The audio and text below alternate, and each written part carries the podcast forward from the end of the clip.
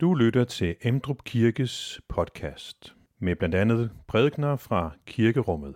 Du kan læse mere om Emdrup Kirke på emdrupkirke.dk.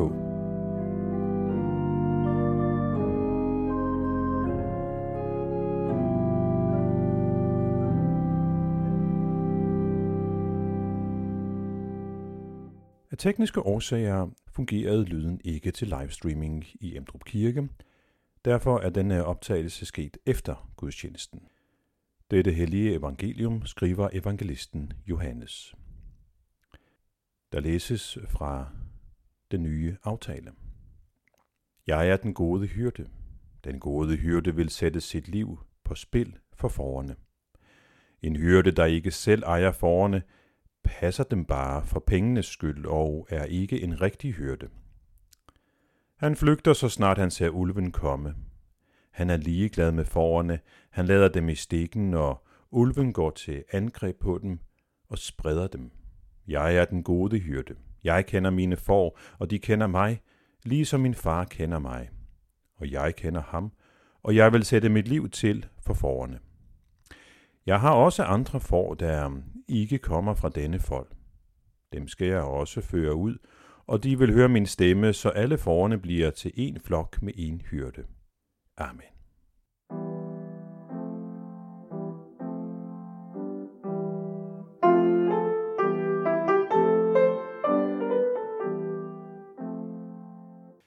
For tiden lytter jeg til Frederik Bachmanns bog Vinderne. Det er den tredje og sidste bog i hans trilogi om den lille nordsvenske by Bjørneby. Frederik Bachmann er nok mest kendt for romanen En mand, der hedder Ove. Den er blevet filmatiseret på svensk og for nylig også på øh, fra Amerika med titlen A Man Called Otto i, med Tom Hanks i hovedrollen. Bachmann, han skriver meget medrivende, og man bliver virkelig draget ind i tilværelsens mange komplicerede facetter i glæde og sorg. Igen og igen har jeg taget mig selv i at tænke, ja, det var godt sagt. Det har du fuldstændig ret i. Den lokale ishockeyklub er omdrejningspunktet i Bachmanns trilogi om Bjørneby. Alle personerne i bøgerne har en eller anden relation til ishockeyklubben. Og en af dem er Amat. Amat er indvandrer og kommer fra en ghetto i byen, men kæmper sig med uhyre flittighed ind på førsteholdet i ishockeyklubben, hvor drenge som ham ellers har meget svært ved at få adgang til. Det er jo de hvide svenske drenges, øh, gerne de rige svenske drenges klub, og ikke for en indvandrer som ham. Men han kæmper sig ind, og han bliver den bedste spiller, og man begynder at tale om, at han skal draftes til ishockeyligaen i USA, NHL.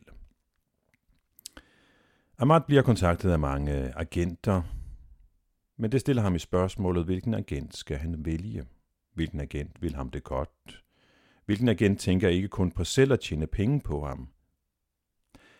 Lev, som øh, også selv har indvandrerbaggrund, vinder Amats tillid ved at blive ved med at møde op til træningerne og hjælpe Amat på forskellige måder.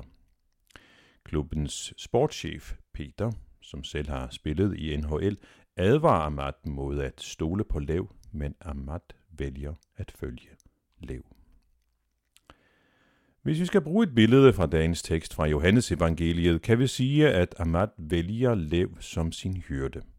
Amat får så en, en relation til Lev og lytter til hans stemme, også når Lev får overbevist ham om, at Peter ikke vil ham det godt.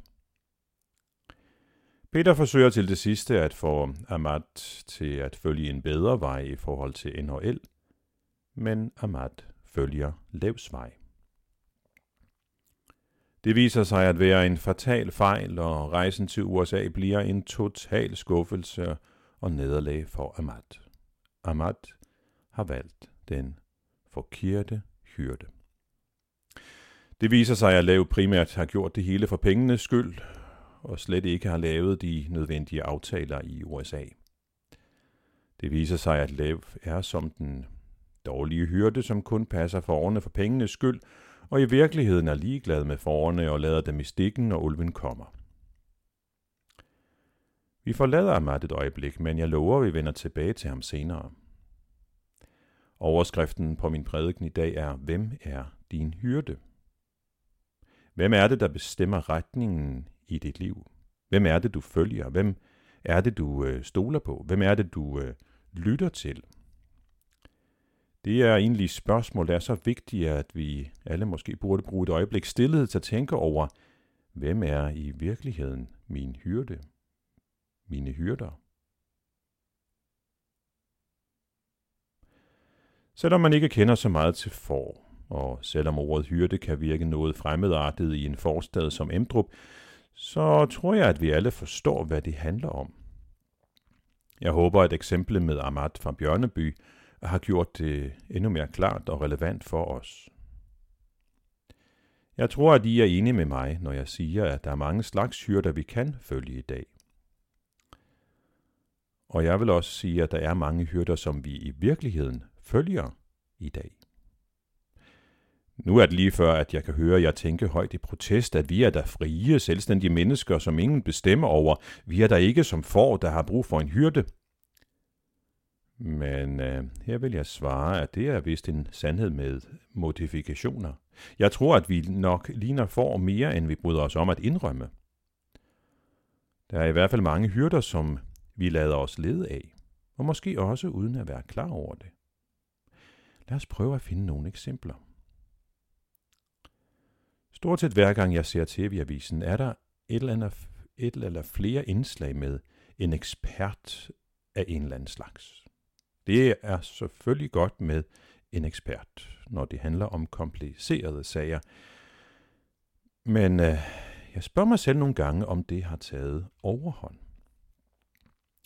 Er problemet måske, at informationsmængden er blevet så uoverskuelig for os, at vi orker ikke at sætte os ind i alle de mange forskellige forhold og faktorer, og så er det bare nemmere at få en ekspert til at fortælle os, hvad vi skal mene.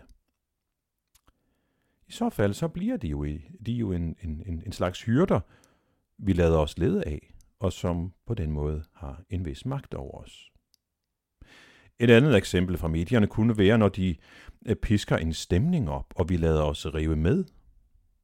Det er vel også et udtryk for, at de har magt over os og leder os i en vis forstand. Den øh, seneste tid er der også kommet en voksende bevidsthed om, hvor stor magt de sociale medier har over os.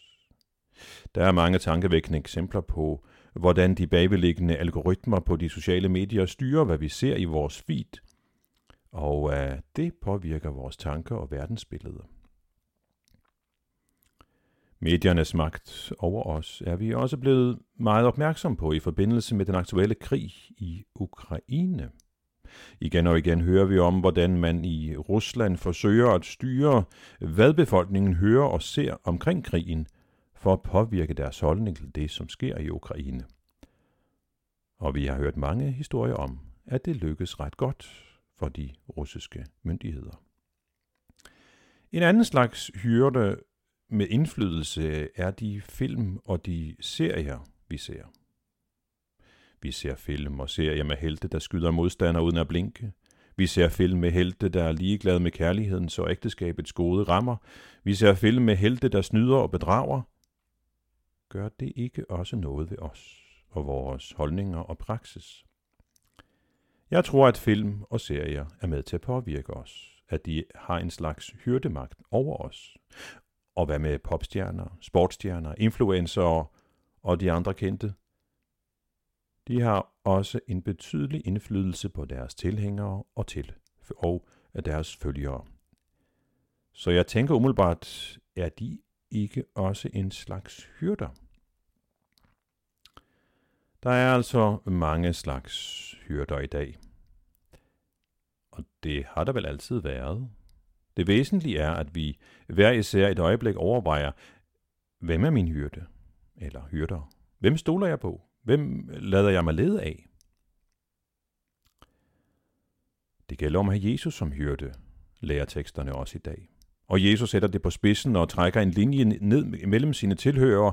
Nogen af jer har mig som hyrde, andre har ikke. Han siger lidt senere, I tror ikke, fordi I ikke hører til mine får. Det første kendetegn på at have Jesus som hyrde er altså at tro på ham. Men øh, hvilke andre kendetegn er der?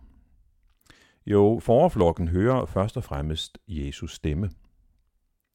Det afgørende kendetegn på en, der hører Jesus til, er, at han eller hun lytter til Jesus stemme og kender dem mellem alle de andre hyrdestemmer, som tilværelsen er fuld af. I Bjørneby lytter Amat til Levs stemme og lader sig overbevise og lede af det, Lev siger. Det skulle han ikke have gjort. At have Jesus som hyrde er at lytte til Jesus stemme igennem hans ord og lade sig overbevise af det. Det tredje er at kende ham og være kendt af ham. Jesus mener kende på en dyb og fyldestgørende måde. Dem Jesus kender har han et nært fællesskab med. De er knyttet til ham i tro og tillid. Han bor selv ved deres hjerter og præger deres liv. For det fjerde handler det om at følge ham. Hører man Jesus til, så er man ikke ligeglad med, med hyrdens anvisninger. Så vil man helst leve, som, som hyrden vil det.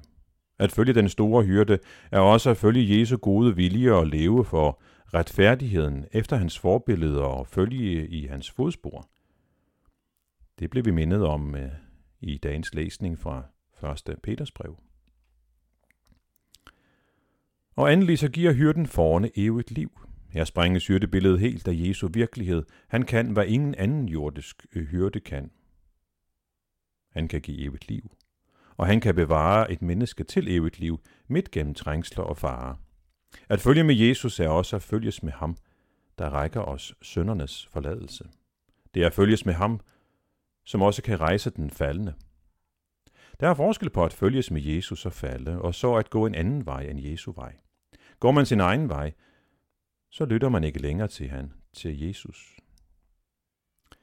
Men falder man i synd med Jesus som hyrde, så lytter man stadig til hans stemme, og man ønsker stadig at følge ham. Tænk, at netop han valgte at blive hyrde for os syndere. Den evige bøjede sig til jorden, og han blev hyrden, som gav sit liv for, at vi kunne renses for al synd og frelses for evigt. Den hyrde kommer også i dag til os, for at være vores hyrde og få os med blandt sine får. Og vi har brug for ham. Vi har brug for ham, selvom vi kan have lyst til at gå egne veje. Lad os nu vende tilbage til Amat i Bjørneby. Da Amat kommer hjem igen fra USA, tør han ikke møde op i ishockeyklubben og afviser venneren, vennens Bobos henvendelser om at komme og træne igen.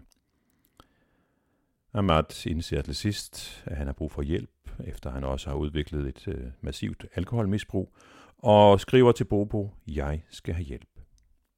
Bobo reagerer med det samme, og de mødes for at løbetræne, og da Amat er på vej hjem efter deres første løbetræning, ser han over mod skøjtehallen og tænker på, at der er 10 måneder til næste NHL-draft.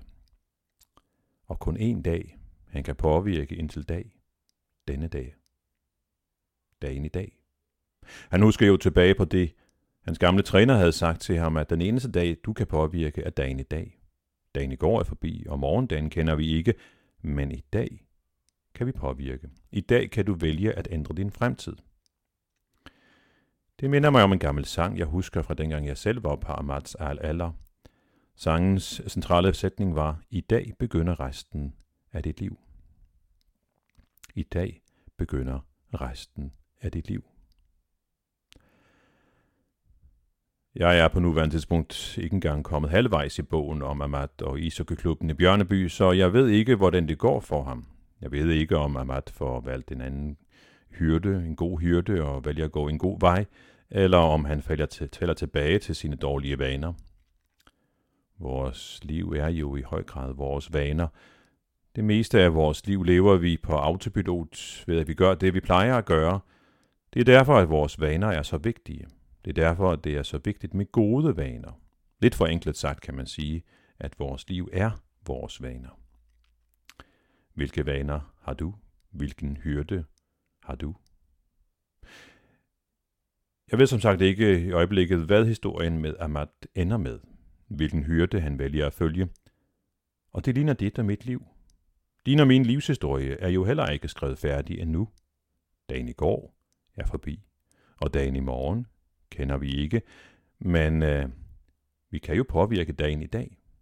I dag har vi mulighed for at tænke over vores vaner og vores hyrder. Har du måske som Amat valgt en forkert hyrde? Har du måske som Amat nogle dårlige vaner, som du har brug for at få ændret? Du kan ikke lave om på din fortid, men i dag begynder resten af dit liv. I dag kan du og jeg, med ordene fra 1. Peters brev, vende om til vores sjæles hyrde og lære ham at kende og lytte til hans stemme. Amen. Find flere podcast og læs mere på emdrupkirke.dk